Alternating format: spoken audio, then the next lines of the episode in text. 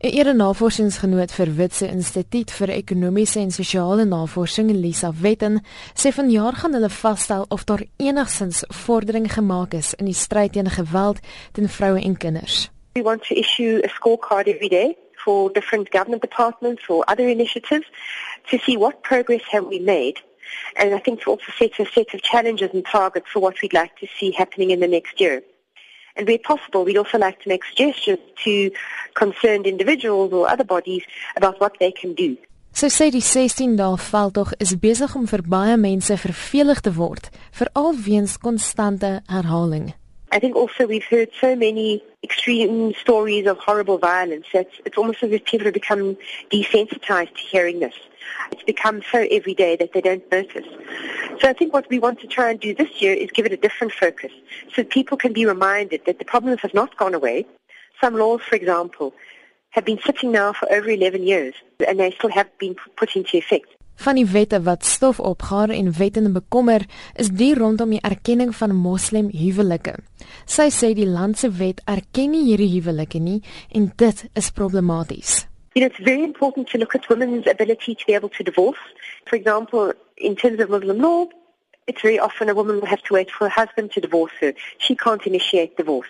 Another area of law is the whole recognition of domestic partnerships. There was supposed to be some recognition of the fact that people who cohabit, who never got married, do have certain claims on each other.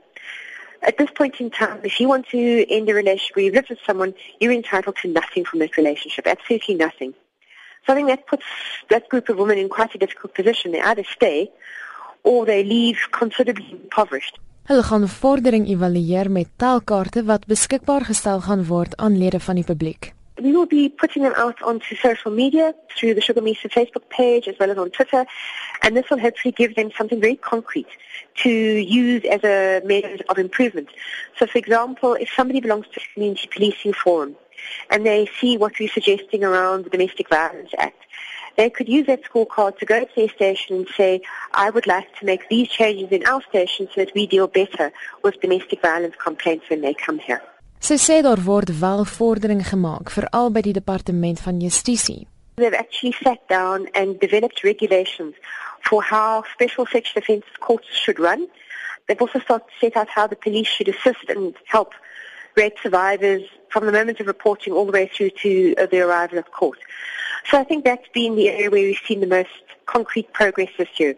Of course, the big question is going to be what budget is the department going to allocate next year to making sure that all of this becomes real when those regulations come into effect. Of daar wel enige vordering gemaak is sedert 1993, sal eers teen die einde van die 16 dae van aktivisme veldtog bekend wees.